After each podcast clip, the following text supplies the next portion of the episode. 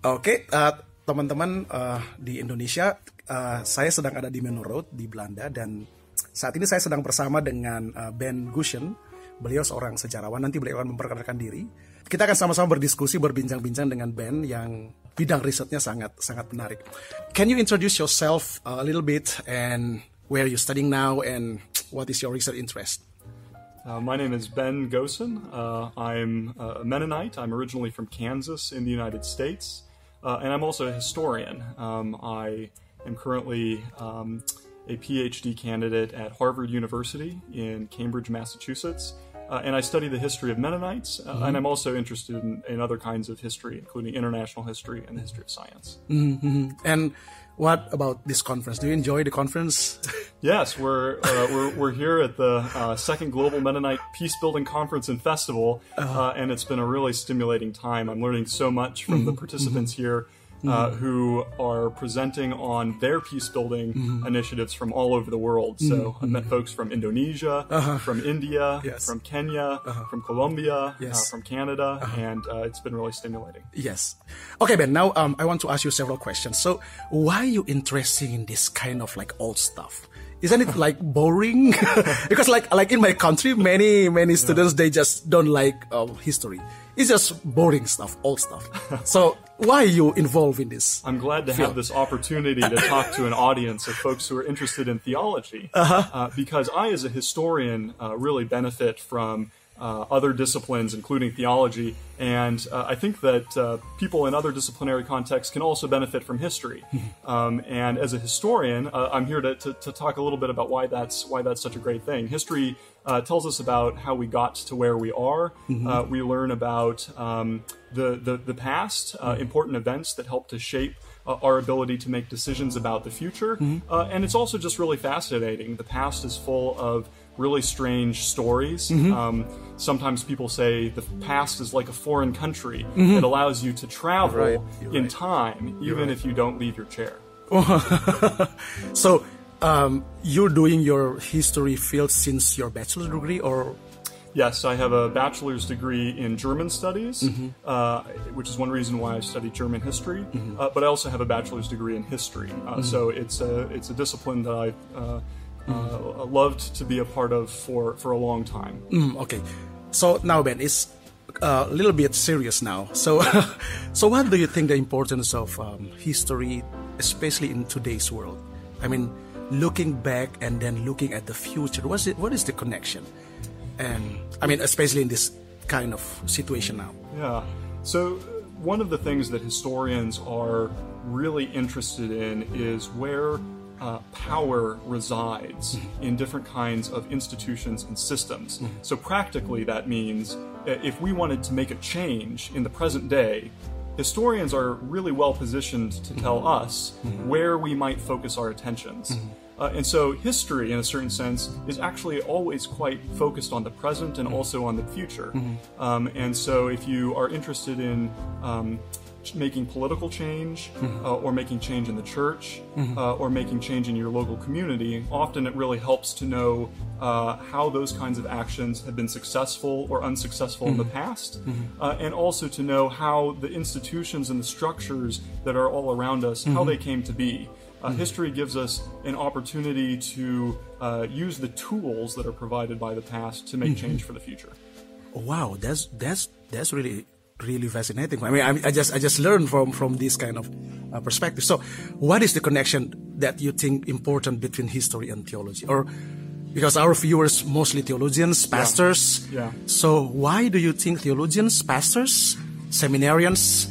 Or those who are interested with biblical studies theology must must learn history what do you think yeah so there'd be so many answers uh, that one could give to that question and just as there are many different theologians who are focusing on many different topics, you would find just as many historians focused on just as many kinds of topics. And so uh, it might be interesting for uh, future uh, video blogs that you do yeah. to maybe have uh, theologians and historians uh, be in conversation ah, or in dialogue, yes, and, and, and yes. they would give you different answers right. Uh, than me. Um, from my perspective, one of the things that I'm really interested in as a practicing Christian, but also as a historian, mm-hmm is instances in the past where um, the Christian church, including the denomination that I'm part of, the Mennonite church, uh, have not always lived up to their ethical and theological obligations as Christians. And by looking at instances in the past where the church has not been as faithful or as successful at living out its values uh, as it would like to be, um, perhaps we can be more faithful uh, and better Christians in the future. Wow. So, so your last answer lead me to the to other questions. So now your research, especially relating with uh, some connection with the involvement of Mennonite in, in, in German Nazi. So why do you think this is important for your research? Yes, so uh, I've re- recently written a, a book called Chosen Nation, which is a history of Mennonites and German nationalism, uh, including Mennonites' involvement in the Third Reich. Uh, and the Nazi movement, uh, including uh, the Holocaust against European Jews uh, and other victims of Nazism during the Second World War. Uh, and through my research, um, I've learned uh, that Mennonites were far more involved uh, in that movement than had previously been known, uh, including Mennonites in Germany, but also other countries. Uh, and that's a history that is, is deeply troubling uh, because um, of the uh, depravity of Nazi ideology and the unspeakable evil that was the Holocaust. And um, as a Mennonite, as a member of the church, but also as, as a human, um, and uh, as, as uh, someone who's uh, concerned with, with the kinds of relationships that people develop between each other, between each other, not just within the church, but also with other faith communities. Uh, I think that it's important for my denomination, for the Mennonite Church, uh, to think very deeply and very seriously and very critically uh, about this history of involvement in Nazism and the Holocaust, and to think about whether uh, there might be opportunities for um, making restitution uh, or reconciliation uh, with um, other faith communities and other groups uh, that were severely disadvantaged by the Nazi regime.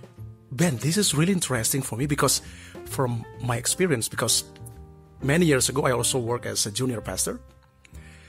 So, from my experience, and I think many of our friends also in Indonesian experience as pastors of theolo- or theologians or those who lives or working in a, like a Christian institutions, um, many, at many times those institutions they just want to cover cover up their history, uh, the bad things, the bad smell. So, I mean, is that not dangerous for you to do something like this or for the church? I mean, especially in this kind of secularism um, that happened like in the US or in Europe. So, I, I, I mean, maybe many people will leave the church after they read your books. What do you think? I think it's very important for all institutions to be very honest uh, about their relationships to power. And in instances where institutions, uh, churches, but also other institutions, whether universities or governments uh, or any other kind of organization, if there are instances in which those institutions uh, have been party to um, uh, events that, that are wrong, uh, that that history is spoken about openly and dealt with in a manner that is uh, thorough and honest and that has uh, the utmost intention to do right by the people who were harmed in the past, by whatever action that You're might have been. Right. Uh, and so the example of the Mennonite church being involved in the Third Reich and the Holocaust uh, is in some ways a, a kind of example that could be applied uh, as a metaphor for other instances uh, in which institutions have uh, been um, have have wronged other other other people in the past, uh, and so I think that that this example is uh, one where uh, we now are part of a church. The Mennonite Church uh, is is very oriented towards peace and justice. Uh, Mennonite theology really emphasizes uh, the uh, the theology of, of peace and peacemaking. Uh, and so this is a church that is really uniquely positioned in some ways uh, to deal thoughtfully and thoroughly um, with difficult instances in its own past because of its emphasis, its current emphasis on, on peace and peacemaking.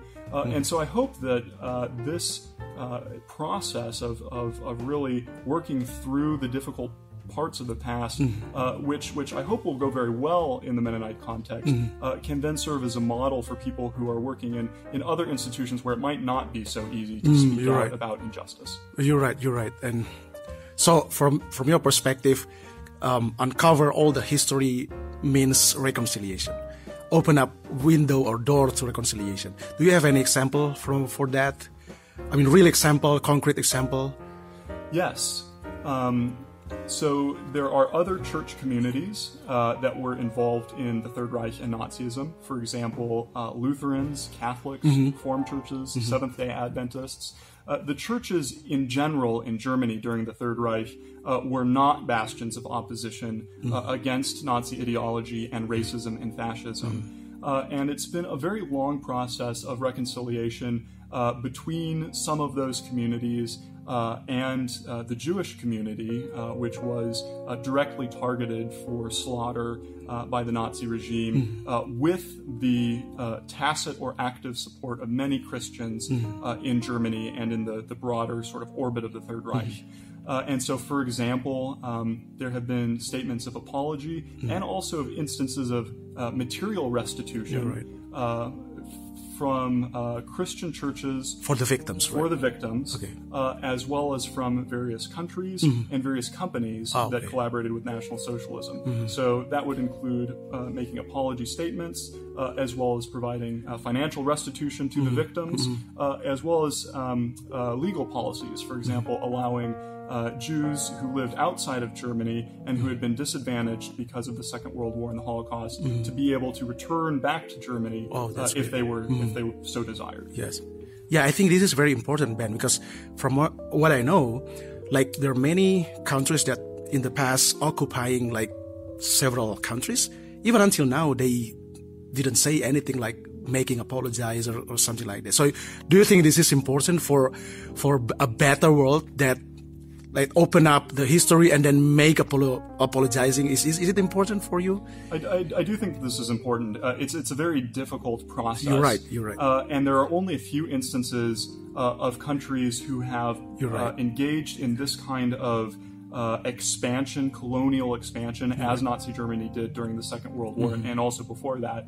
Uh, and when these same countries have then, after that process, Mm-hmm. really tried very, very hard uh, to uh, engage in reconciliation and restitution. In most cases, that has not happened Mm-hmm. right. and certainly not on the scale that it has, has happened in, in post-war Germany. For example, I live in the United States, a, a country uh, that was uh, deeply involved Mm-hmm. in the work of theology and the work of history and the work of peace building more Mm-hmm. broadly. Uh, includes a commitment to working towards uh, justice and re- reconciliation in those myriad instances Mm-hmm. of, of injustice, uh, which um, will uh, of which there are examples in uh, in virtually all Mm-hmm. countries worldwide, and which we know will continue. This is a struggle that, that will not be over. The work Yes. of peace building is an active, ongoing process, uh, which which I'm glad to be part of. Yes. I, I don't know, Ben, but I can see the, the really important thing about your research now. So I don't know. Can I say that from from your research, you want the church also to be like maybe the pioneer, to become like a agent of reconciliation by by uncover the truth, right, and to be the example to offering forgiveness. My hope is that Christian communities, including my own denomination, the mm-hmm. Mennonite Church, is not lagging far behind. You're right, you're in right. this effort for justice, right. but is leading and providing an example. You're right. Um, I would be so thrilled to belong to a denomination uh, and to a faith uh, if I knew that that faith and that denomination uh, were providing examples for other communities uh, to also institute examples of peace building in their own context. You're right. You're right. Okay. Now, last question. What is your suggestion to us? I mean, you. I think you exactly know uh, yeah, about Indonesia, right? About our, our history, about and, and maybe some of our problems. So, what is your suggestion to us, pastors, theologians, seminarians, and Christians in general? Yeah, um, I would suggest uh, to uh, read as much history and theology as possible. Think deeply, think critically, have hard conversations. Uh, be willing to look at the sins not only of others, but also of oneself. I think that self-reflection and a willingness to recognize that um, that um, one's own group or one's own denomination or one's own country uh, has not always been necessarily on the right side uh, of a particular issue. I think that that's a, an important first step in um, becoming ready to engage in dialogue and in peacemaking uh, with groups who have uh, different opinions and different histories. Uh, and, and, so uh, engaging in that kind of uh, constructive dialogue and also constructive self criticism across disciplines and across communities and across faiths, uh, I think is a really important way to. Um, engage any difficult situation. And so I certainly uh, uh, try to practice that in my own context and would recommend it to others. Ben, this is a short conversation, but I think we, you, man, you say more, uh, many things that are really important for us. So thank you, thank you so much for your insight. Thank you for your um, research, and maybe we can have conversation again in the future. Thanks so, so much for talking. With us. Yeah, thank you, yeah, thank you, thank you. This has been great. Okay, thank you. Bye. Bye.